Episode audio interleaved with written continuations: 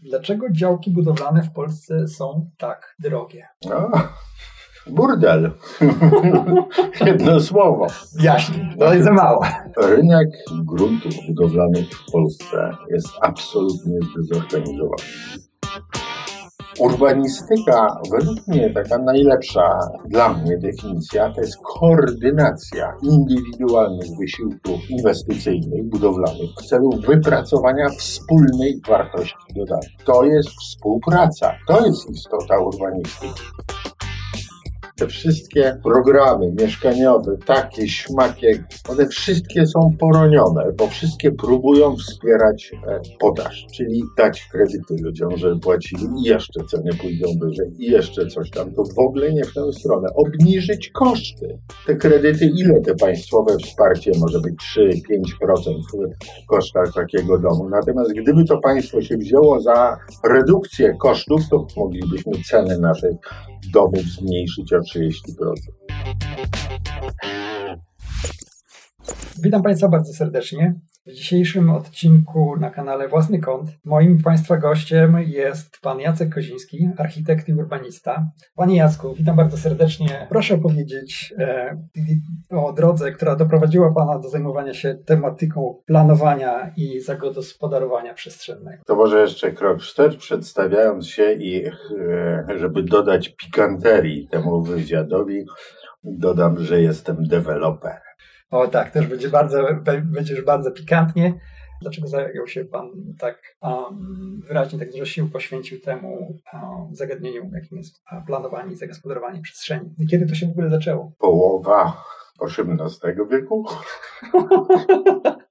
No to, e, e, to, to, to tak. Wtedy zaczęły się e, tradycje rodzinne, budowlane. Przesadziłem początek XIX, przesadziłem. Sześć pokoleń architektów budowniczych. Aha. Pochodzę z rodziny Hojrychów bardzo dużo e, znamienitych w Warszawie obiektów zaprojektowanych przez e, Jana Hojrycha starszego, Jana Hojrycha młodszego. Cały klan. No i ja się w takiej rodzinie urodziłem, więc normalne, że zostałem architektem. Po ojcu odziedziczyłem olbrzymią bibliotekę w języku niemieckim, co prawda, na temat budownictwa. Jego przyjaciel Ślązak w 1945 roku musiał zwiewać z Polski, a biblioteka została, ojciec wcześniej umarł, więc nie miał mi czytać tych książek, ale ja się na nich wychowałem. Nigdy się niemieckiego nie nauczyłem, ale niemieckie pismo obrazkowe opanowałem fantastycznie. Okej, okay. to rzeczywiście długa e, historia. Nie o to pan pytał. Stąd źródła e, tego, tego budowlanego obszaru. Natomiast tak naprawdę moje już prywatne zupełnie zainteresowania lata 80. E, moi kumple i ja dorastaliśmy wtedy. To był czas, kiedy się żenili, mieli rodzina, nie mieli gdzie mieszkać. I chyba... Jest, to zrozumiały, bliski problem. To się chyba nie dużo zmieniło w tym zakresie. I chyba to był taki, taki motor, że, żeby, żeby mieli gdzie mieszkać kumple. Wydawało mi się wtedy, badając to budownictwo socjalistyczne, że to jest niesłychanie dziwnego, że się nie da szybciej budować lepiej. Nie rozumiałem tego. Miałem materiały źródłowe z całego świata o drewnianym, szkieletowym amerykańskim budownictwie i to no, od strony teorii wydawało się strasznie proste. Kurde, to weźmy się za to i zróbmy to. I taki był mój początek. Byłem przez pięć lat szefem takiej małej spółdzielni właśnie znajomych, którzy mieli zbudować e, osiedle. To była taka fala małych spółdzielni e, po 80 roku. Bratkowski to za zainicjował. Czyli który to dokładnie rok? Chyba od 80 czy od 81 do 85. Po pięciu latach się z tego wypisałem. To była jedna z najmądrzejszych moich decyzji życiowych. Z czasem stałem się niesłychanym wrogiem spółdzielni mieszkaniowych. Mówię tylko, jak było ze mną, że mi tę szkołę spółdzielczą przeszedłem, a potem no, w którymś momencie startując od zera, nie mając żadnego kapitału z moim obecnym wspólnikiem, założyliśmy firmę. Najpierw budowaliśmy pojedyncze domy, pojedyncze zlecenia. Mhm. Potem coraz więcej, coraz więcej. No, tam 93 rok. Mhm. To była fala, kiedy powstawało mnóstwo takich małych firm budowlanych. Jeszcze więcej takich firm przyjechało z zachodu. Polonusy z Ameryki, ze Skandynawii, z Niemiec usłyszeli, że Polska już jest wolna, brak mieszkań, my potrafimy budować, ja z moimi trzema synami pięć domów w ciągu roku stawiamy w Ameryce, to przyjedziemy i będziemy budować w Polsce i wyciągniemy ten kraj. Ach, wszyscy uciekli. Nie ma ich dzisiaj. A co się stało? No bo jednej rzeczy nie wzięli pod uwagę. Kto się w dżungli nie urodził, ten w dżungli nie przeżyje. Co ma pan na myśli? No to nie jest to samo, co budowanie w Ameryce czy w Skandynawii, gdziekolwiek na świecie. Budowanie w Polsce to jest zupełnie inna dziedzina. Tutaj e, nie wystarczy umiejętność techniczna samej budowy. Tu trzeba się znać na niewiarygodnym gąszczu przepisów, na niewiarygodnych problemach, nie wiem, organizacyjno zupełnie innych dziedzin. To jest problem w Polsce, nie technika. No dobrze, i taka była moja historia. W tym sensie poniosłem życiową porażkę, bo nie udało się tego, jakby to powiedzieć, problemu mieszkaniowego w Polsce rozwiązać. Czyli ten, e, ta myśl pierwotna, no nie udało się jej zrealizować. Mhm. Z drugiej strony można powiedzieć, że jako architekt ktoś e, by powiedział, że sukces odniosłem, bo te parę tysięcy domów zaprojektowałem i zbudowałem. Mhm. I pewno nie ma się czym wstydzić. Ale no, jak zwykle, no, trochę tak, trochę tak. Okay. Um... Z tych też powodów tak dużo się zajmowałem, na przykład planowaniem przestrzennym, czy urbanistyką, czy w ogóle prawami w Polsce i organizacją całego budownictwa w Polsce. No, z tych powodów, o których mówiłem. Mhm. Jeśli moglibyśmy na chwilę wrócić do tego pierwszego raportu o budownictwie na samym początku e, lat 80., raportu Solidarności. E, mówi Pan o raporcie o stanie budownictwa mieszkaniowego opracowanym tam w 81 roku. E, szefem tego zespołu pracującego był wczesny doktor Witakowski. To był bardzo ciekawy i dobry dokument. Ostatni zjazd Solidarności przyjął ten raport jako swój no, oficjalny dokument wysokiej klasy, dobra e, robota. Natomiast 25 lat później już profesor Witakowski postanowił zrobić tą samą metodą e, drugą edycję. Fantastyczny pomysł, bo ta perspektywa 25 lat, 5 lat jeśli to samo narzędzie badawcze przyłożymy po 25 latach, to możemy zobaczyć zupełnie nieoczekiwane rzeczy. I przy tym drugim, tej drugiej edycji, czyli w 2000 już nie wiem, szóstym chyba roku, mhm, tak. wtedy e, no, ja się znalazłem w tym zespole, który to opracował. Myślę, zrobili tę drugą edycję, która się okazała zupełnym fiaskiem. Fiaskiem w sensie wpływu na opinię publiczną? Znaczy, czy... Różnica, jakby to powiedzieć, w znaczeniu tego pierwszego raportu i tego drugiego była no, kolosalna. Zmieniły się czasy. Zaraz może parę słów powiem merytorycznie o tym, co, co te raporty, ale e, chcę powiedzieć o innym aspekcie. Dlaczego po tych 25 latach się nie udało? Otóż czasy Solidarności to był czas niewiarygodnej wiary, że oto zmieniamy świat, nie ma ograniczeń. E, e, no i na fali tego entuzjazmu E, autorzy tego raportu dostali 600 prac na, na piśmie. Ich rola polegała na uporządkowaniu tego, wyciągnięciu wniosków, przerobieniu tych 600 prac, e, e, które to znaczy, zostali. był jakiś kwestionariusz, który ochotnicy wypełniali. Tak? Znaczy, puścili w Polskę informacje o tym, że się tym zajmują. Kto chce się niech wypowiedzieć, niech napisze, co ma do tak. powiedzenia. Oni zrobili z tego syntezę. Natomiast po 25 latach dostali 6 prac na piśmie, czyli jedną setną.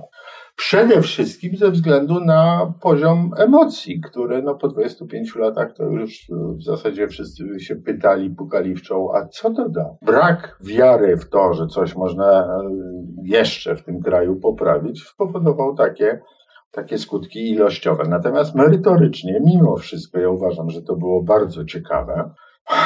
Ten raport z 1981 roku skończył się takim uporządkowaniem barier w budownictwie, chyba podzielonych już nie pamiętam, 10 czy 11 kategorii. E, brak cementu, brak transportu, e, brak ceramiki, brak armatury, brak, brak wszystkiego tak naprawdę. E, kłopoty z transportem, kłopoty, no za wszystkim kłopoty, no bo tak to było w socjalizmie, niczego nie było. Natomiast po 25 latach z tych 11 grup 10 z 11 barier nie istnieje, czyli nie istniało w owym 2007 roku, dzisiaj też nie istnieje. Żaden problem. Każdą ceramikę z całego świata możemy mieć. Każdą technologię budowania możemy mieć. Nie ma żadnych problemów. Nie ma problemów kapitałowych, nie ma w ogóle żadnych problemów. Dlaczego więc się nie buduje? A, ta jedenasta bariera, którą oni nazwali prawno-organizacyjna, chyba tak ją nazwali, ta jedenasta została rozbudowana do takiej skali, że wszystkie inne już są nieistotne. Okay. I tu dochodzimy do istoty rzeczy. E, tu dochodzimy do istoty rzeczy i ja bym tą istotę rzeczy chciał zaatakować od tej strony, od e, pytania sformułowanego w ten sposób. Dlaczego działki budowlane w Polsce są tak drogie? No, burdel. Jedno słowo. E, to jest za mało. Czy rynek e, gruntów budowlanych w Polsce jest absolutnie zdezorganizowany. Zupełnie. I o Jezus, to długi wykład na ten temat. Proszę bardzo. Jak to się odbywa, całe to planowanie przestrzenne wypracowane w kulturze łacińskiej tak, przez proszę. ostatnie dwa tysiące tak, lat. Proszę, albo, albo proszę powiedzieć, jak to powinno wyglądać. Tak, to jest dobry punkt wyjścia. Otóż e, zagadnienie e, no, urbanistyczne, zagadnienia są zagadnieniami lokalnymi. I wszędzie na świecie E, władzę nad rozwiązywaniem tych zagadnień sprawują samorządy. Mhm. Z pewnym zastrzeżeniem, nie do końca, dlatego że pewne reguły gry wynikają z konstytucji. I tu jest rola, jakby to powiedzieć, centralnego legislatora, żeby uporządkować reguły na poziomie konstytucyjnym. Konstytucyjnym dlatego, że te sprawy urbanistyczne na przykład się wiążą z przekształceniami własnościowymi. Tak, wywłaszczeniami. Tak. Wywłaszczeniami, ale w ogóle dotykają problemu własności, który, zagadnienia własności czy prawa obywatelskiego, które jest chronione konstytucyjnie, i tylko w ustawie może być modyfikowane, zmieniane i tylko w celu pożytku e, publicznego. Ale co te słowa znaczą? To jest rola centralnego legislatora zrobić reguły gry. Za co odszkodowania, w jakiej wysokości, na Boga nie rozwiązywania detalicznych problemów lokalnych. Tak to wygląda na świecie. Władztwo E, samorządów nad już detalami, jak to jest realizowane, jest potężne. Ono jest realizowane w celach publicznych. Miasto na przykład musi, miasto czy, czy, czy samorząd lokalny musi regulować pod, podaż i popyt gruntów budowlanych. To jest jeden z podstawowych zadań samorządów na świecie. W jednym z tych dokumentów e, jest napisane takie zdanie, które mi bardzo zapadło w pamięć, że normalnie, historycznie i poza Polską dziś, e, planowanie, to władztwo planistyczne jest źródłem dochodów. Nie tak na wprost, nie tak samorządom nie wolno zarabiać. Samorządy to nie są jednostki gospodarcze, czyli to nie jest tak, że to jest na wprost nie wiem, spekulacja i na tym samorząd zarabia. Tak, nigdzie, dlatego że samorząd reprezentuje mieszkańców, nie ma swoich interesów. Natomiast pośrednio jest źródłem dochodów, dlatego że no, jak brakuje, nie wiem, rąk do pracy, czy się wyludnia jakaś, e, jakiś teren, no to bardzo dobrym narzędziem samorządów jest przeznaczyć nowe tereny pod budownictwo mieszkaniowe. Dlatego, że się sprowadzą ludzie, będą ręce do pracy, będą podatki i w tym sensie ta polityka urbanistyczna czy przestrzenna na dłuższą metę jest źródłem dochodu samorządu. Zresztą tak było od paru tysięcy lat, no bo miasta to był fantastyczny biznes. Tak, budowanie, tak?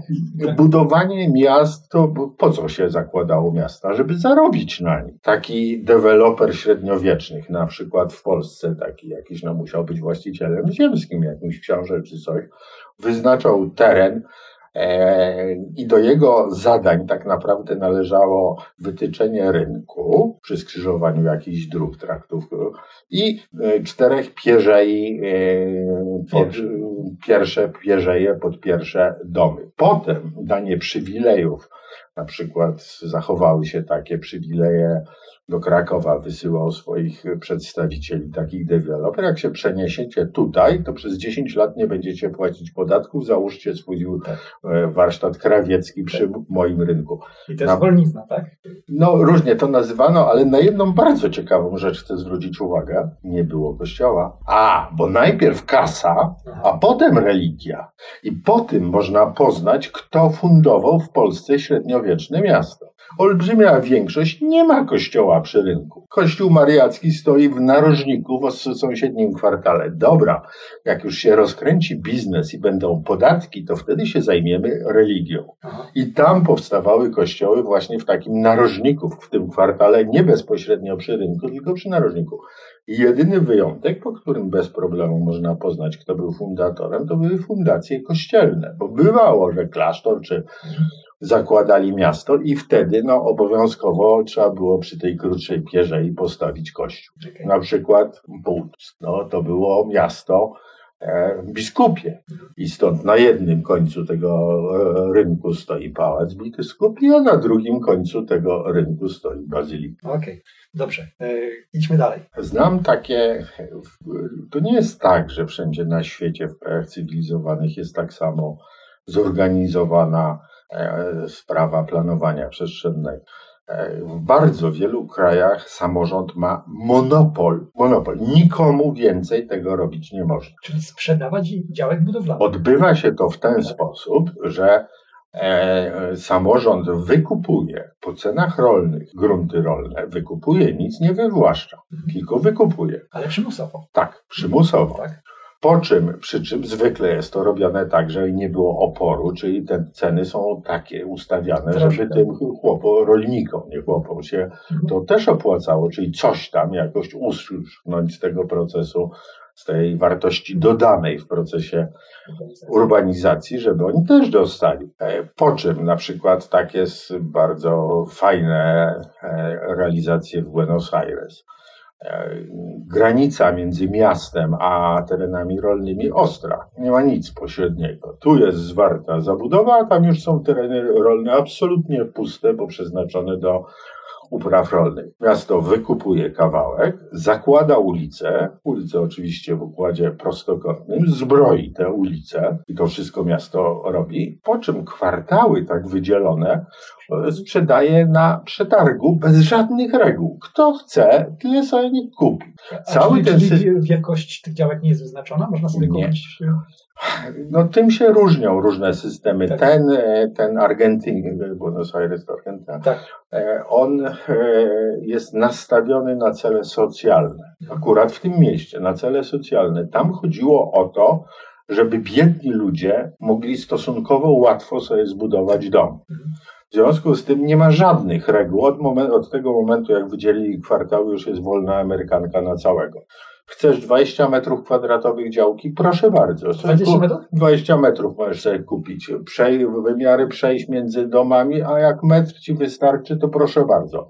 W środku się dzieje wolna amerykanka, czyli bez żadnych reguł budowanie, co kto potrzebuje. Jak ktoś... Jakie są skutki? Da się w tym żyć w takich kwartałach? Nie, żyć się da. To, to nie jest wysoki standard budownictwa, ale mm, patrząc na całe miasto można zobaczyć, jak to w czasie się przekształca bo za ileś tam lat część zostaje rozwalona i postawione coś lepszego.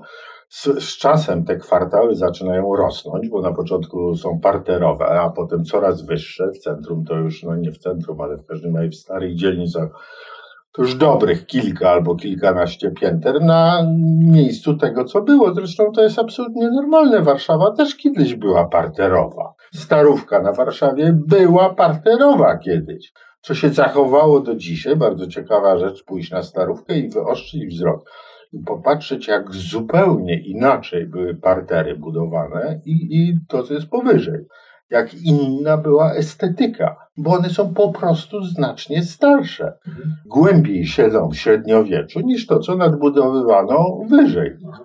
Normalny proces, że miasto do góry też rośnie z czasem. Mhm. Dobrze, można te systemy planistyczne e, różnie e, projektować, ale pewne zasady są wszędzie na świecie wspólne. Można tak jak ten przykład argentyński Buenos Aires, tych dzielnic socjalnych, zupełnie inaczej, na przykład w Hiszpanii w ostatnich tam, po ostatnich tych prawodawstwach 2007, no nieważne, w każdym razie ostatnie kilkadziesiąt lat w Hiszpanii gdzie prawo e, to, to, to urbanistyczne i budowlane było nastawione na efekt, rozwój rynku. Jak najszybciej, jak najwięcej biznes wspierać, żeby tego było możliwie dużo. Zupełnie inny kierunek, ale jak się przyjrzeć, to pewne reguły gry tożsame. Czyli wykup przez miasto i potem sprzedaż. W Hiszpanii zorganizowano to inaczej, dbając o to, jak to oni piszą, żeby właściciele ziemi chętniej w ten proces wchodzili.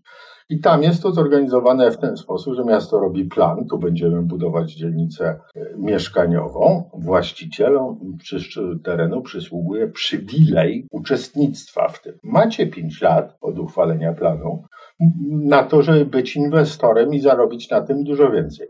Ale jeśli po pięciu latach nie stoją te budynki na tym terenie, to wtedy was wy, wywłaszczymy po cenach rolnych. Macie przywilej. Jeśli to zorganizujecie, przyłożycie się, możecie duże pieniądze zarobić.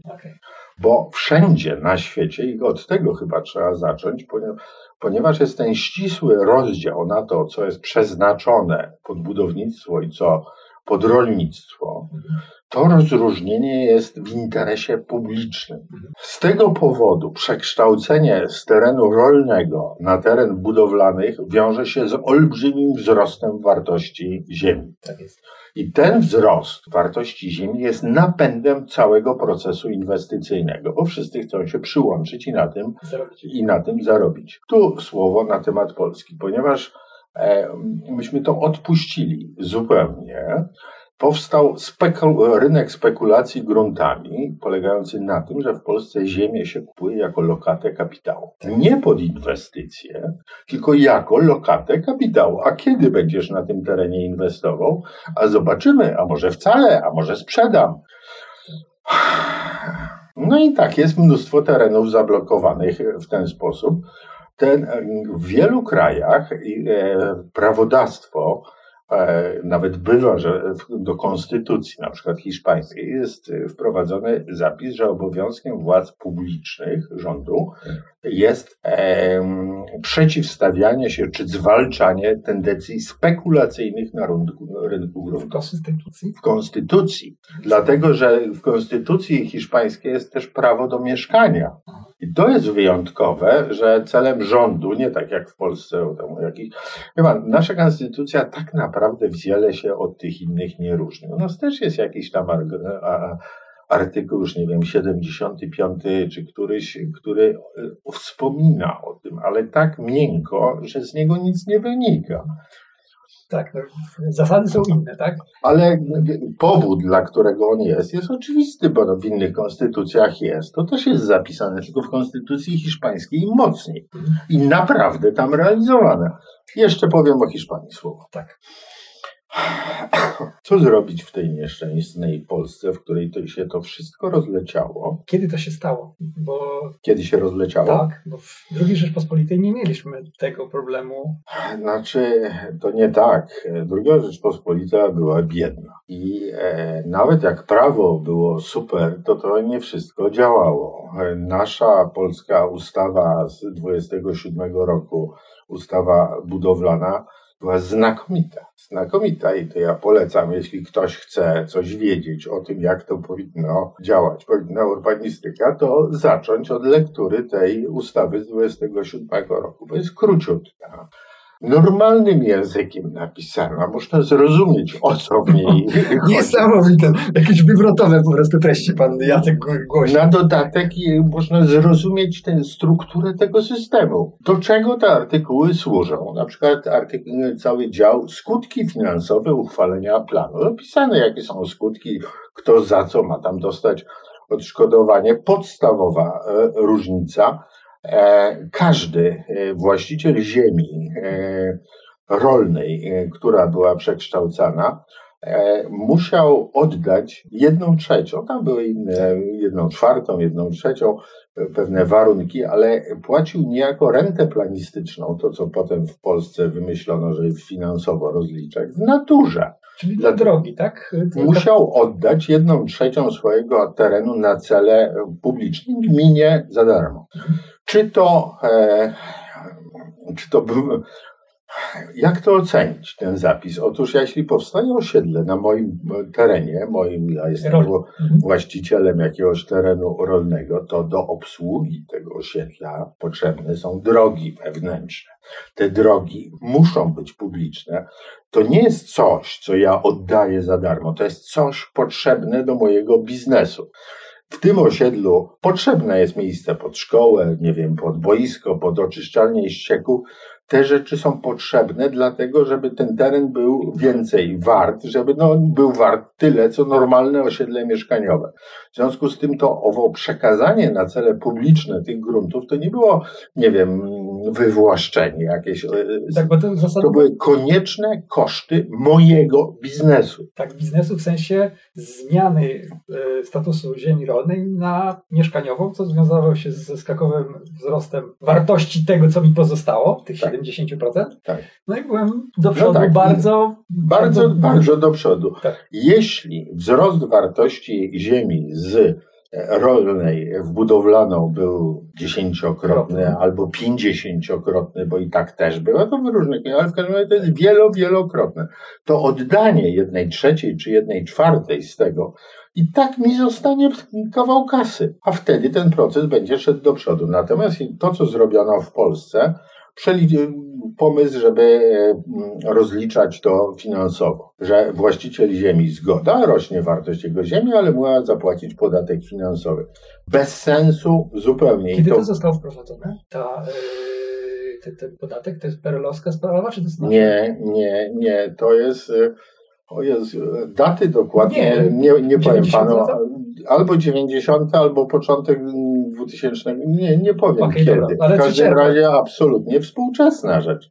W PRL-u urbanistyka funkcjonowała na normalnych e, z cywilizacji łacińskiej zaczerpniętych zasadach. To funkcjonowało. Ursynów można było zbudować, bo na cele publiczne wykupiono grunty, co jest dzisiaj niemożliwe. Dzisiaj nie można zbudować Ursynowo, bo samorząd nie ma prawa na cele mieszkaniowe wykupywać gruntów. Nie ma takiego prawa. Wykupić może, ale nie, tu chodzi o wykup przymusowy. Tak, okay. Bo co z tego, że po cenach e, rynkowych będziemy kupować ziemię, jak jeden na środku się nie zgodzi. Tak. Tu chodzi o pewien przymus, dlatego że bez przymusu to wszystko w ogóle nie zadziała. Nie zadziała, dlatego że od pierwszych, wie pan, myśmy jako firma próbowali scalać ziemię, ale jak e, rolnicy w koło się dowiedzieli, że tu deweloper skupuje te działki po 10 metrów szerokości, no to któryś dość poszedł rozsądnie sobie pomyślał, kurde, ja poczekam aż więcej kupi i wtedy będę miał Gibraltar i za ten Gibraltar to ja od niego zażądam tyle, Okej, okay, okej, okay. czyli nie ma, nie ma tego przymusu e, i to jest rzecz bardzo, bardzo świeża. No to jedźmy do, z powrotem do odpowiedzi na pytanie dokładnie, dlaczego te działki budowlane są drogie. E, może ja spróbuję powiedzieć, co, co mi się wydaje, a pan mnie, pan, pan mnie skoryguje, bo w tych systemach, powiedzmy, poprawnych mamy tylko dwie, dwie możliwości. Ostre rozgraniczenie. Ziemia budowlana bardzo droga i ziemia rolna tania. Żadnego stanu pośredniego systemu można powiedzieć taki binarny, 0-1. Eee, natomiast w systemie, który obecnie mamy, w, w Polsce, to y, jest między ziemią rolną a budowlaną jest taki kontinuum, jest takie, takie, taka, taka strefa zamazana. To jest superpozycja stanu ziemi budowlanej rolnej. Tak naprawdę nie wiadomo dokładnie, w którym miejscu e, można określić tą wartość i dlatego no, każdy próbuje na tym, przy takim kontinuum się gdzieś, każdy właściciel próbuje się jak najwyżej, e, jak najwyżej znaleźć. No tak, jesteśmy po prostu w takim, w takim dwuświecie, tak? Jednocześnie każda ziemia jest, jest potenc- każda ziemia rolna jest potencjalnie ziemią, jest potencjalnie ziemią budowlaną. Czyli jest przedmiotem no, jest traktowana jako lokata kapitału, czy na cele budowlane, czy nie ale no, owa spekulacja musi mm, podnosić ceny. Ta bańka spekulacyjna to jest bańka. W Polsce e, w planach zagospodarowania mamy już działki przeznaczone dla 80 milionów nowych Polaków, a w uchwalonych studiach dla 300 milionów nowych Polaków. To jest gigantyczna bańka spekulacyjna, ale to jest tak dziwny kraj, no bo to dla większości tych ludzi, którzy potraktowali Ziemię jako lokatę kapitału, ich nadzieje się nie spełnią, no bo nikt tylu Polaków to nie będzie. Nigdy, więc to fizycznie jest nierealizowalne. Natomiast ja się zastanawiam w ogóle nad Pana tezą, że ta ziemia budowlana w Polsce jest taka droga. To nie jest prawda? I tak i nie. I to jest, znaczy, to jest naprawdę przedziwne, co się w, w Polsce dzieje. To nasze miasta są tak rzadkie, że w 100 lat po uchwaleniu planu 1 trzecia działek jest zabudowana. Normalnie to są wyjątki, że jest jakaś pusta działka i ona jest wtedy niesłychanie droga, dużo droższa niż te nasze ceny. Tak, nie, nie miałem... Ja nie jestem pewien, czy taką tezę, że nasze, nasze działki budowlane są ekstremalnie drogie, czy, czy, czy, czy ją można postawić i obronić. Tego nie Dobrze, jestem pewien. To... Tu po prostu nie bardzo wiadomo, co jest gruntem budowlanym, bo wszystko jest gruntem budowlanym w Polsce. Nawet jak planu na danym terenie nie ma, to są metody. Połowa domów jednorodzinnych w Polsce powstaje nie na terenach mm, z obowiązującymi planami, tylko poza nimi, na zasadzie decyzji o warunkach zabudowy. Połowa. Czyli można de facto budować wszędzie. Tylko trzeba się uprzeć. Te wszystkie programy mieszkaniowe, takie, śmakie, one wszystkie są poronione, bo wszystkie próbują wspierać e, podaż, czyli dać kredyty ludziom, żeby płacili i jeszcze ceny pójdą wyżej i jeszcze coś tam. To w ogóle nie w tę stronę. Obniżyć koszty. Te kredyty, ile te państwowe wsparcie może być 3-5% w kosztach takiego domu. Natomiast gdyby to państwo się wzięło za redukcję kosztów, to pewno i 50% udałoby się zredukować. 50%? Chyba pan, tak nie można. No ja wiem, że ja że dawałem trochę za słowo, za słowo ale mówimy Rzeczy... tutaj o grubych dziesiątkach, tak? Rzeczywiście był taki moment, kiedy no, siedząc nad tymi ustawami przedwojennymi, ja robiłem takie szacunki, co by było, gdybyśmy wrócili do tego prawa e, budowlanego i urbanistycznego przedwojennego. I z takiej analizy wynikało, że nie zaraz, ale po kilku latach dostosowania przystosowania się do tych nowych warunków moglibyśmy ceny naszych domów zmniejszyć o 30%.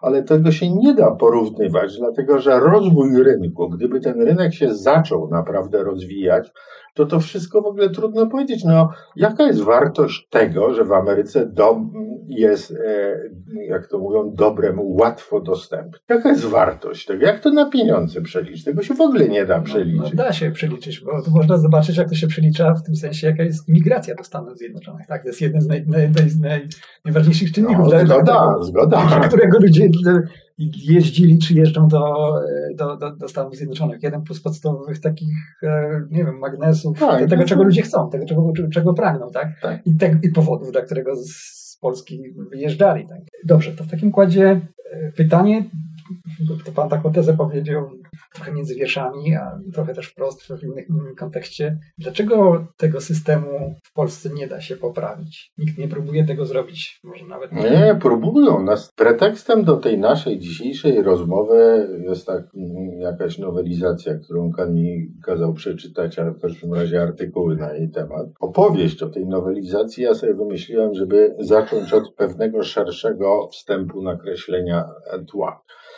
Otóż e, e, bardzo prosto można z archiwum Sejmu sobie ściągnąć daty nowelizacji tych ustaw budowlanych i urbanistycznych i e, zrobić z tego wykres. Otóż do 90 roku, od początku, od od 27 roku, nowelizacje prawa budowlanego były mniej więcej co 10 lat średnio. Po 90 roku mamy 4 rocznie, czyli 40 razy częściej. Wykres na osi czasu ma kształt bumeranga, albo jak ktoś chce, gestu Kozakiewicza. I to jest rzecz, e, od której trzeba zacząć refleksję. Co się dzieje?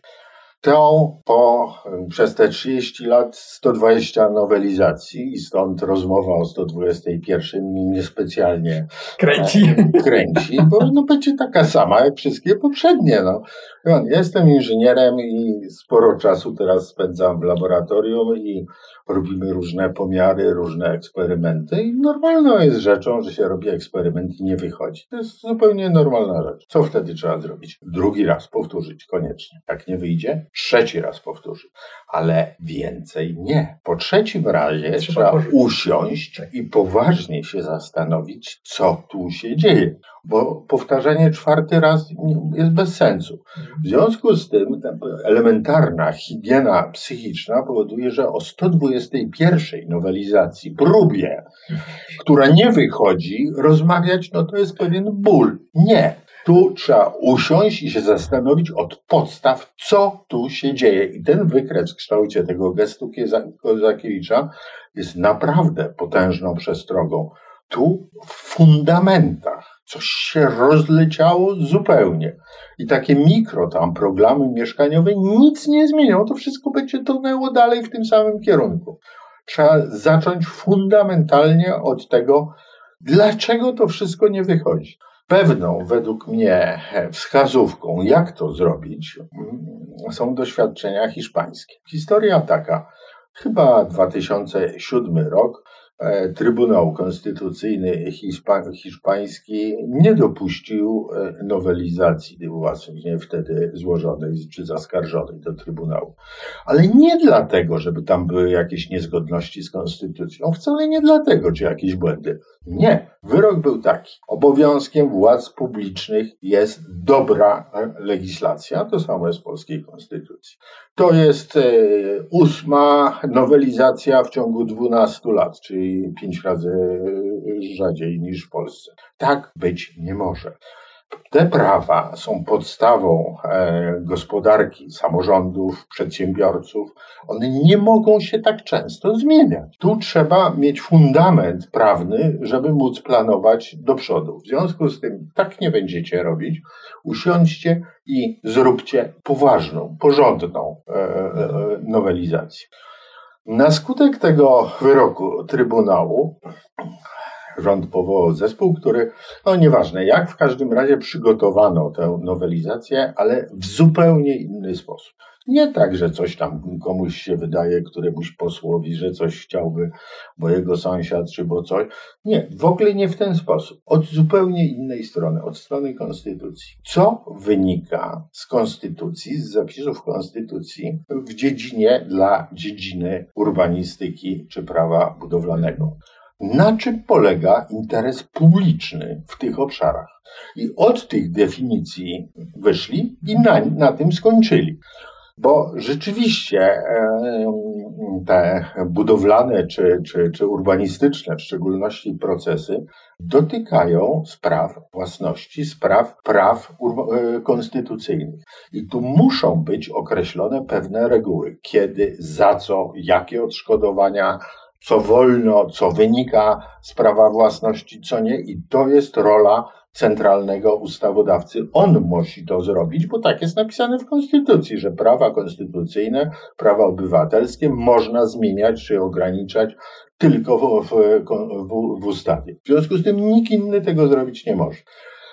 Ale ta ich ustawa z 2007 roku okazała się w konsekwencji bardzo mm, krótka, parę stron. No bo co tutaj za dużo opisać? No rzeczywiście trzeba wprowadzić pewne reguły, na przykład ochrona gruntów przed zbytnim rozdrobnieniem. Natomiast podział naszych PGR-ów na działeczki po tysiąc metrów to była taka głupota i sprzedaż tego na rynek, standard, te tysiąc metrów podzielone pola w koło Warszawy po horyzont. Jeszcze to są pola, jeszcze tam uprawiają, ale już są podzielone na działeczki po tysiąc metrów. Kto za to zapłaci? Wszyscy za to zapłacimy. W jaki sposób zapłacimy? No, Przez... no właśnie w taki, że nie będzie mieszkań, nie będzie branża budowlana się rozwijała, grunty będą jakoś miały dziwną cenę, bo ja raczej bym się przyznał do określenia, wolałbym określenie dziwną cenę niż wysoką bardzo, bo one są dziwne. To wszystko się rozleciało. Nie ma w Polsce metody budowy siatki e, komunikacyjnej, siatki ulic elementarnej, tej, tych najmniejszych uliczek przy domach. To normalnie na świecie jest własnością publiczną, drogi, wartość publiczna na przykład w tych przepisach przedwojennych na poziomie definicji działki budowlanej był zapis. Działka budowlana to znaczy posiadająca bezpośredni, zwracam uwagę na to słowo, dostęp do drogi publicznej. W związku z tym, jak ktoś chciał swój teren, nie wiem, żeby to były działki budowlane, to musiał przekazać ten teren na gminę, żeby te jego działki miały dostęp do drogi publicznej. Nie prywatnej mojej, tylko musiał oddać to gminie. Zwracam uwagę na to jedno słowo, które gdzieś tam kiedyś wyparowało. Bezpośredni dostęp do drogi publicznej. Dzisiaj tego słowa nie ma. Ma być dostęp jakiś, kombinowany. Stąd przedziwne, różne dojazdy po służebnościach, po czymś, ale efekt podstawowy nie ma siatki komunikacyjnej, tej podstawowej tkanki urbanistycznej. Nie ma tego. To jest coś, czym my płacimy za to, za te głupawe e, przepisy. Tak, i też poza tym właśnie infrastruktury, tak? Jeśli w ten sposób się budujemy, to wodociąg jest trzy razy dłuższy niż byłby w gęstej zabudowie. Kiedyś robiłem takie analizy, to głównie w gminie Lesznowola, tam trochę współpracowałem i robiliśmy takie analizy porównawcze jaki efekt przynosi ten dzisiejszy system prawny i w porównaniu z tym e, przedwojennym. Otóż właściciele gruntów wcale nie są do przodu. Dobra, nie muszą oddać na początek tych 30%, ale i tak pod komunikację muszą przeznaczyć jakieś grunty, których im nie sprzedadzą, bo to jest droga dojazdowa do tych ich działek i tych dróg dojazdowych oczywiście, bo są nieuporządkowane, jest znacznie więcej więcej niż byłoby, gdyby zrobić plan taki przedwojenny. Na końcu wszyscy są stratni, bo może trzeba by zacząć w ogóle krok wstecz. Po co jest urbanistyka i co to w ogóle jest urbanistyka? No, urbanistyka moja prywatna definicja e, człowieka, który przychodzi z innego świata, jakiejś politologii, e, jest naturalne napięcie w każdym systemie politycznym między tym, co jest dla jednostki i tym, co jest dla wspólnoty. To, to, to są, że tak powiem, no, często rozbieżne interesy. Wydaje mi się, że urbanistyka to jest zbiór takich zasad wypracowanych, które pozwalają, pozwalają zatroszczyć się o, o to dobro wspólnoty. Tak? To znaczy to, żebyśmy mieli się jak poruszać między naszymi, między naszymi domami, a żebyśmy żyli w w dobrze zaprojektowanych miastach, w których nie dojeżdża się w korkach przez 35 minut do, do dzielnicy pracującej, z dzielnicy totalnie sypialnianej, gdzie nie ma nic innego. Hmm.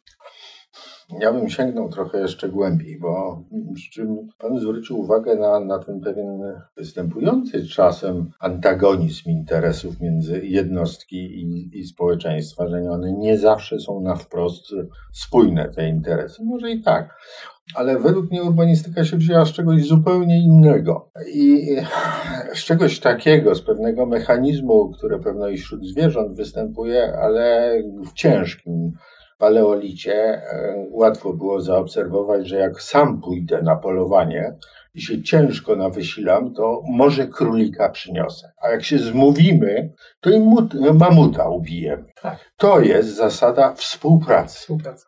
Urbanistyka, według mnie taka najlepsza dla mnie definicja, to jest koordynacja indywidualnych wysiłków inwestycyjnych, budowlanych, no bo tu mówimy o budownictwie, w celu wypracowania wspólnej wartości dodanej. To jest współpraca, to jest istota urbanistyki, a nie walka, jakieś tam wykupy, wywłaszczenia. To w ogóle nie o to chodzi. Czasem bywa tak, że interes jednostki no nie da się pogodzić z interesem publicznym i wtedy potrzebny jest przymus i dlatego ten centralny legislator musi dać narzędzie do tego przymusowego wywłaszczenia, ale istota jest zupełnie inna. Chodzi o to, żebyśmy się umówili, to już jest urbanistyka, że stawiamy te nasze wigwamy w jednej linii, żeby jedna ścieżka je obsługiwała, nie dowolnie. To już jest urbanistyka. Ja kiedyś na jakimś zjeździe urbanistów usłyszałem takie zdanie od pewnego urzędnika. No, plany zagospodarowania to jest zbiór e, zakazów i nakazów e, zmierzających do osiągnięcia ładu przestrzennego. Ale zdanie ciekawe. Co to jest ład przestrzenny? Od tego trzeba zacząć. Co to jest ład przestrzenny? Ja uważam, że to jest gatunek wymarły. W Polsce już go nie ma. Jak ktoś chce zobaczyć ład przestrzenny, to niech na starówkę pójdzie. Nigdzie więcej nic takiego nie zobaczę. Zakazów i nakazów. E, e, urbanistyka jest dużo starsza niż jakakolwiek administracja. To było robione dobrowolnie, bo wszyscy wiedzieli, że jak będziemy współpracować, to będzie z tego pożytek. Rola administracji w całym tym procesie jest absolutnie wtórna. To w ogóle nie o to chodzi. Ale jeszcze nie, tamten wątek muszę skończyć, Dobrze. muszę, bo to Otóż ta ustawa się okazała króciutka, jak już powiedziałem, a kończy się zdaniem takim. A po, po uporządkowaniu tych zasadniczych reguł, e, techniki urbanizacyjne zostawiamy w kompetencjach samorządu. Kropka. I nie ma tych wszystkich procedur, Cała nasza, cała w stu procentach ustawa dzisiejsza o planowaniu zagospodarowaniu przestrzennym to jest opis owych technik, owych procedur, które oni oddali w kompetencje samorządu. Tam w ogóle tego całego wszystkiego nie ma. A u nas są wyłącznie procedury. Zwracam uwagę na jeszcze jedną rzecz. W którymś tam momencie powiedziałem, mówiliśmy o tym władztwie samorządu, bo to są sprawy lokalne. W każdym miejscu inaczej. I tego się nie da centralnie zrobić. W związku z tym ustanowienie centralnych technik urbanizacyjnych to jest de facto odebranie samorządom możliwości działania. Jest taka książka e, Gerharda Larsona, Przegląd systemów planowania przestrzennego w Europie Zachodniej chyba koło, nie wiem, 2007 rok wydania, coś takiego. I tam w Europie Zachodniej, w związku z tym, bo to było, no dobrze, w każdym razie e, na temat Polski jest króciutki rozdział. To Polska nie była przedmiotem zainteresowania. Opis, jak to działa w skrócie w e, krajach Europy Zachodniej, króciutki rozdział o Polsce. I chyba w drugim akapicie Gerhard Larsson napisał takie zdanie. Bardzo dziwny system jest ten polski i napisał takie zdanie. Cała władza ustawodawcza i spora część wykonawczej należy do ośrodka centralnego, a odpowiedzialność spoczywa na słabych gminach. Według mnie to zdanie naprawdę jest warte e, postudiowania, zastanowienia się bo tu jest mnóstwo treści w tym zdaniu. Oto człowiek z zewnątrz, który pierwszy raz w życiu zobaczył nasz system urbanistyczny, zdziwiło go ta gigantyczna władza centralna, centrali. Jego to zdziwiło. To zdanie o tym, że odpowiedzialność spoczywa na słabych samorządach, to jest nieprawda. To jest nieprawdziwe zdanie. On tak sobie wyobrażał, że tak jest. Otóż odpowiedzialności w Polsce nie ma w ogóle. Nikt za to nie odpowiada. Za efekt urbanizacji w Polsce nie ma odpowiedzialnego. To jest efekt pewnej przemiany kulturowej, która nastąpiła mm, w ciągu tych ostatnich 30 lat która polega na he, zmianie sposobu rozumienia słowa odpowiedzialność. Otóż dzisiaj u nas odpowiedzialność jest rozumiana w kategoriach winy. Ktoś, urzędnik, nie przestrzegał procedur, jest winny do więzienia go wsadzić, jak coś się złego stanie, to szukać winnego. Tak dzisiaj rozumiemy słowo odpowiedzialność, a ten sposób rozumienia wyparł zupełnie inny sposób rozumienia tego słowa. Odpowiedzialność jako zobowiązanie. Otóż samorządy na Zachodzie biorą na siebie tę odpowiedzialność za zagospodarowanie przestrzenne na zasadzie zobowiązania, się zobowiązują do tego, jak, że będzie dobry efekt. Po to w Polsce też niby wybieramy władze samorządowe nie ze względu na przepisy, bo większość ludzi się na tym nie zna, tylko oczekując dobrego fizycznego skutku na końcu z ich działalności.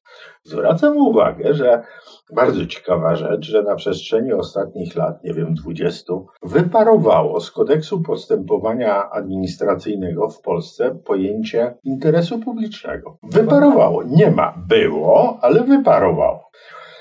Ciekawe. Był taki czas, że można było od organu, od urzędu zażądać uzasadnienia, czy organ mógł dodać e, racje związane z interesem publicznym takiej czy innej decyzji. Otóż to wyparowało, bo u nas jest taka doktryna prawna, że gdyby E, urzędnik na przykład, jakiś urzędnik podjął taką decyzję. Co prawda przepisy stanowią tak i tak, ale jednak ze względu na skutki, jakie taka decyzja przyniesie, ze względu na interes publiczny podejmuje decyzję inną. O, panie Jasku, to Taka to jest... decyzja się nie utrzyma w żadnym sądzie. W żadnym. Zostanie natychmiast obalona. Natychmiast. Nie, nie, to będzie inaczej, bo ja w administracji pracuję naprawdę dosyć długo yy, i te rzeczy mnie bardzo interesują biurokracja i odpowiedzialność. Ja w życiu nie widziałem próby zdecydowania w ten sposób. To, to nawet nie to, że tego rodzaju decyzja zostałaby podjęta i uchylona, tylko no, jakby administracja nie, nie, nie pisze tego rodzaju decyzji. Jest... No zostali skutecznie oduczeni. Y, zostali... Skutecznie, zupełnie. Zostali... Natomiast to nie jest tak, że to jest stan oczywisty, że tak musi być. Y, Na przykład w, w prawie budowlanym z 27 roku wiele artykułów było, miało taką konstrukcję. No te, te, te przepisy to instrukcja dla urzędników, co w danej sytuacji e, mają robić. I te przepisy miały taką konstrukcję, że w takiej a takiej sytuacji macie postąpić tak i tak. Chyba, że są ważne przyczyny, żeby postąpić inaczej. Ten dopisek to jest przeniesienie w inny świat. To jest zmiana wszystkiego. W jednej chwili ten urzędnik odpowiada za skutki fizyczne, nie tylko za przestrzeganie procedur. On odpowiada za to, co z tego wszystkiego będzie. W jednej chwili ten urzędnik się okazuje człowiekiem fachowym, no bo tobie tam oddajemy prawo podejmowania decyzji, zobaczenia, co tych lokalnych warunków. Ty masz to ocenić i modyfikować te nasze instrukcje. W jednej chwili staje się godnym zaufania, fachowcem. W ogóle cały świat zaczyna wyglądać zupełnie inaczej. Ja wiem, że w kulturze prawnej Polski jest to dzisiaj herezja, co ja mówię, ale tak było przed wojną. Dlatego ten urzędnik był ceniony. My po 80 roku strasznie w Polsce się baliśmy korupcji, że nie było oligarchii, żeby tego wszystkiego. I z tego powodu ten, ta doktryna prawna stawiała na pierwszym planie walkę z korupcją, ale w którymś momencie się zagalopowaliśmy, bo przekształciliśmy w ogóle pojęcie odpowiedzialności w coś zupełnie innego. Okay, z tym się zgadzam. Panie Jasko, pan sądzi, że gdyby, gdyby sama litera prawa się zmieniła i byśmy mieli to, taką klauzulę napisaną, że chyba, że czynniki specyficzne wskazują na inną tą? Nie, bo, nie. Tu, znaczy, tu zaszły zmiany tak daleko dotyczące tak olbrzymiej części społeczeństwa, w ten proceder spekulacji gruntami jest zaangażowany, nie wiem, co czwarty Polak albo co trzeci. Ma jakąś działkę gdzieś jako lokatę kapitału. To już się nie mieści. Właściwie to nie jest działka jako lokata kapitału, tylko każda ziemia, którą ludzie mają, ona ona de facto taką rolę może spełniać, tak? To znaczy, a nuż się kiedyś zdarzy to, że będzie... W Polsce się stało to zupełnie normalne i odkręcenie tego jest bardzo trudne. Ja nie mówię, że nie jest możliwe, znam sposoby. Nawet proponowałem, hmm. dobra, już nie będę mówił gdzie, no, tak. nieważne. Bardzo prosty sposób. Jest taka załącznik do rozporządzenia ministra, załącznik numer 5 do rozporządzenia z jakiejś tam daty, tabelka 17, gdzieś tam na samym końcu, ale rozporządzenie ministra, tabelka gdzieś tam na samym końcu. I w tej tabelce jest stawki podatków gruntowych. I pozycja taka tam jest. Grunty E, zurbanizowane i niezabudowane. Jest taka pozycja. I wystarczy tam wpisać, że do tych gruntów należą wszystkie tereny objęte w, w planach zagospodarowania przewidziane pod budownictwo. Zurbanizowane i niezabudowane, bo one takie są. Wystarczy wpisać, że one się do tego zaliczają. Ten podatek urośnie z 3 groszy za metr kwadratowy do 7 groszy. To są gówniane pieniądze. Ale jakieś będą. Związane z tym, że w planie ten teren jest przeznaczony pod budownictwo. Dzisiaj nie ma żadnych skutków podatkowych tego, że moja działka jest w planie przeznaczona pod budownictwo. Gdyby ten minister, przecież nie trzeba ustawy, to trzeba tylko rozporządzenie, to tylko trzeba rozumieć o co chodzi. Natychmiast poszłaby fala próśb do samorządów, ale skreślcie mój teren z y, planu, bo ja już tak nie chcę. Ja chcę płacić odrobinę mniejsze podatki, bo ten mój teren nigdy nie będzie zabudowany, więc po cholerę to wszystko. I poszłaby fala po Polsce próśb, ja nie chcę już mieć terenu budowlanego. Tylko tu trzeba rozumieć pewne mechanizmy, a ci nasi ministrowie chyba im trochę kompetencji brakuje. Mm, nie wiem, czy to jest kwestia kompetencji. E, jeśli prawdą jest to, co pan powiedział, wydaje mi się, że jest to prawdą, że tak wiele Polaków ma te działki jako wprost, jako lokaty kapitału albo e, albo po prostu je ma i coś z nimi może zrobić w przyszłości. Taka opcja po prostu na, na przyszłość. To ten minister takie coś proponując, to będzie trochę samobójcą politycznym. Wróćmy do tego zdania Gerharda Larsona. Tak. Tam jest odpowiedź na to, o co Dobrze, pan pyta. Proszę, tak. Samorządy tak naprawdę nie mają nic do powiedzenia w dziedzinie zagospodarowania przestrzennego. Mhm. Przede wszystkim dlatego, że się rozleciał zupełnie system finansowy tak. gospodarowania ziemią. Od tego trzeba zacząć. Te nasze rewolucyjne pomysły tam z lat 90., żeby płacić rentę planistyczną i opłaty adiacenckie, to miały być źródła finansów na tak. wykupienie terenu pod drogi, na zrobienie wodociągu, na poniesienie owych publicznych kosztów procesu urbanizacji. To się zawaliło. Zupełnie to nie przynosi nawet jednego procenta e, wydatków. W związku z tym, jak nie ma systemu finansowania tych, tak. tych działań, samorządy nie mają żadnych narzędzi, żeby prowadzić rozsądną e, planowanie przestrzenne. Samorządy przestały w planach planować ulice, bo jak narysują w planie zagospodarowania ulicy, to się zobowiązują do jej wykupienia. A za co?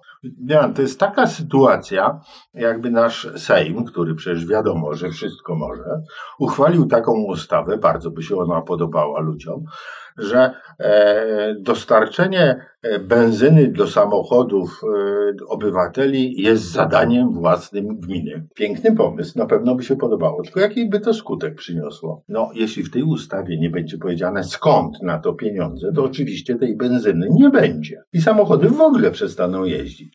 I tak się stało w urbanistyce. System finansowania, pokrywania kosztów finansowych urbanizacji nie zadziałał. I to się zdarza. Tylko tak jest od ćwierć wieku. No właśnie. Ta dlaczego? sytuacja, o której mówi Gerhard Larsson, cała władza ustawodawcza i spora, spora część władzy wykonawczej spoczywa e, w ośrodku centralnym, który się tym nie przejmuje. On ma to gdzieś to są problemy samorządów, a nie nasze. Tak I od 25 lat nikt się tym na poważnie nie zajął. Panie Jasko, ja panu powiem e, e, moją wizję tego. Proszę, że niech pan, że tak powiem, skontratakuje. E, mi się wydaje, że, mm, że to nie jest do końca tak, że wszyscy na tym tracą, przynajmniej nie w krótkim okresie. Zmienić ziemię rolną na budowlaną i sprzedać to naprawdę jest to jest takie po prostu no, miły prezent od życia, tak? I to się stało, tak po prostu weszło w kulturę, że to jest coś zupełnie naturalnego, że to się, że tak powiem, należy, że to jest sprawiedliwe.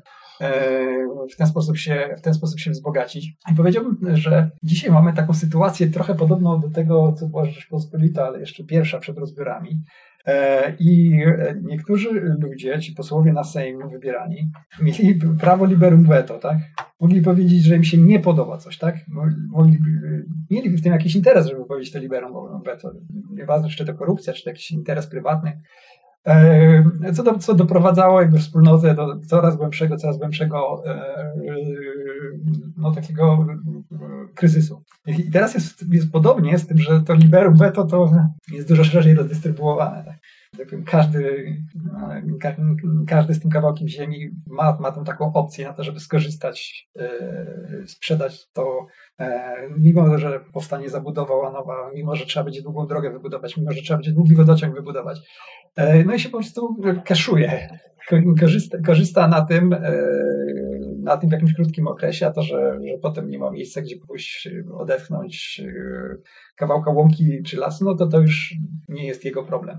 I tak się właśnie zastanawiam, czy to, czy to nie jest aż tak głęboko, tak? W tym sensie, że, że, że, że, że poparcie społecznego dla tego rodzaju zmian, o których Pan mówi, byłyby bardzo ciężkie do uzyskania. Dokładnie ten sam. Zgoda, to nie jest łatwe dokładnie to samo, ale jest proszę, strasznie proszę, ważne. Proszę, tak, jest strasznie ważne ale no, rzecz, która jest oczywista w, w ogromnej większości krajów, podatek od wartości nieruchomości, kataster, tak? E, temat tabu w Polsce, no nie jest tabu, no niektórzy o nim e, rozmawiają, aczkolwiek no, to dosyć jest zrozumiałe, że mogły być podatki dochodowe jakieś konsumpcyjne niskie, a podatek od wartości nieruchomości mógł być wyższy. To się nie dzieje. E, ten, jak panu się podoba ta metafora z liberum veto? To jest to... Nie podoba mi się. Nie? Fundamentalnie mi się nie podoba, bo Wydaje mi się, że Pan powtarza taki stereotyp ze szkoły podstawowej na temat liberum veto. Natomiast jeśli się przyjrzeć temu liberum veto e, nieco głębiej, to się okaże, że przez pierwsze 100 lat ja wiem, obowiązywania się... liberum veto było użyte parę razy, że tak naprawdę owa zasada liberum veto była znakomitą metodą do osiągania konsensusu. Tak, zgadzam się, ale to jest troszeczkę o czymś innym mówimy, tak? E, to, to, mówimy o czasie, kiedy liberum veto tak naprawdę nie było e, używane, tylko, tylko się Sejmy zbierały i to była taka zasada jednocząca jakąś daleką e, kresy jakąś Ukrainy z, z Pomorzem, dlatego, że się musieli po prostu dogadać i nie mogli się rozjechać, dopóki się nie, nie dogadają. Ale potem się to mogli, działało. Tak, ale się potem mogli nie dogadać. Tak? Potem Dobrze, powstały warunki, gdzie to zaczęło działać źle. Natomiast drugi aspekt, który mi się nie podoba w Pana słowach jest taki, że to mi przypomina e, grę w Totka. Grywa pan w Totka? Nie, nigdy. Dlaczego? No bo wartość oczekiwana jest ujemna. No właśnie.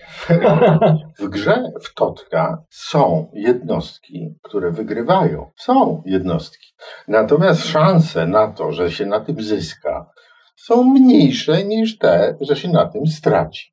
I otóż takie spojrzenie statystyczne, nie wiem, również na urbanistykę jest takie, zgoda, ma pan rację. Zdarzyły się, czy zdarzają się jednostki, które na tym handlu ziemią e, bardzo się wzbogacają. Zgoda.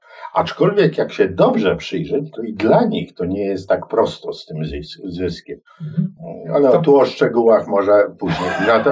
Natomiast e, olbrzymia większość właścicieli ziemi mogłaby na tej swojej ziemi lepiej zarobić, gdyby to było uporządkowane. Dlatego, że i tak na uzbrojenie, tak na drogi, na komunikację muszą oddać część te, terenu, którego nie sprzedadzą i bilans jest do Chodzi o ten bilans, tak jak w totolotku. Bilans na końcu. Kiedyś profesor Stępień, jak mu o tym opowiada, zadał mi takie pytanie, a kto jest beneficjentem tego systemu na dłuższą metę nikt? No na dłuższą metę nikt. Na dłuższą metę nikt, absolutnie tak. się zgadzam. Absolutnie porządek służy wszystkim, tak? Całkowicie się z tym zgadzam. E, tylko no nie zmienia to, to, to faktu, że, że wcześniej, że, że wcześniej są wygrani i przegrani, tak? Nieliczni, wygrani, bardzo liczni, przegrani. Bardzo liczni, bardzo liczni, bo o tym nawet nie wiedzą, że przegrywają. W moim przekonaniu owo do, dopuszczenie do rozpieprzenia urbanistyki w Polsce to jest choroba, która e, rozwija się e, podskórnie, widać tylko, czasem tylko coś z wierzchu, ale ta choroba ma już przerzuty na wszystkie organy najważniejsze, życiowe. Ta choroba e, ma przerzuty na organy rozrodcze. Kryzys demograficzny Polski jest bardzo silnie związany z kryzysem mieszkaniowym. Absolutnie się zgadzam. Na wszystkie dziedziny społeczne, ekologiczne, nie ma takiej dziedziny, gdzie ona by nie miała swoich przerzutów, których nie widać, bo to po latach dopiero wychodzi ten nowotwór na wierzch. W moim przekonaniu jest to jedno z najpoważniejszych zaniedbań tych naszych ostatnich 30 lat wolnej Polski, że to naprawdę na przykład pod względem PKB on doliczy 1,5% y, przez 30 lat. A takie zwykle były skutki rozwoju budownictwa w Niemczech za Adenauera, w Irlandii, w Hiszpanii, w Irlandii był takie dwie dekady, 20 lat, e, gdzie budowano, gdyby to przeliczyć na, na, na naszą populację, prawie pół miliona mieszkań rocznie. Dwa razy więcej niż teraz. A, tam dwa. Średnia z naszych ostatnich 30 lat jest pewno na poziomie 120 tysięcy, średnia. Tak, no, mówiłem o zeszłym roku. Dobrze, zmierzając do konkluzji, Gdyby a, pan Jacek Koziński został ministrem budownictwa nie. z poparciem e, większościowym w Sejmie, to rozumiem, że a, regulując cenę ziemi e, de facto, znaczy według planu budowlanej, niezabudowanej, podnosząc ten podatek, można doprowadzić do, pewnej racjonalizacji. Co jeszcze tutaj mamy ze środków zaradczych?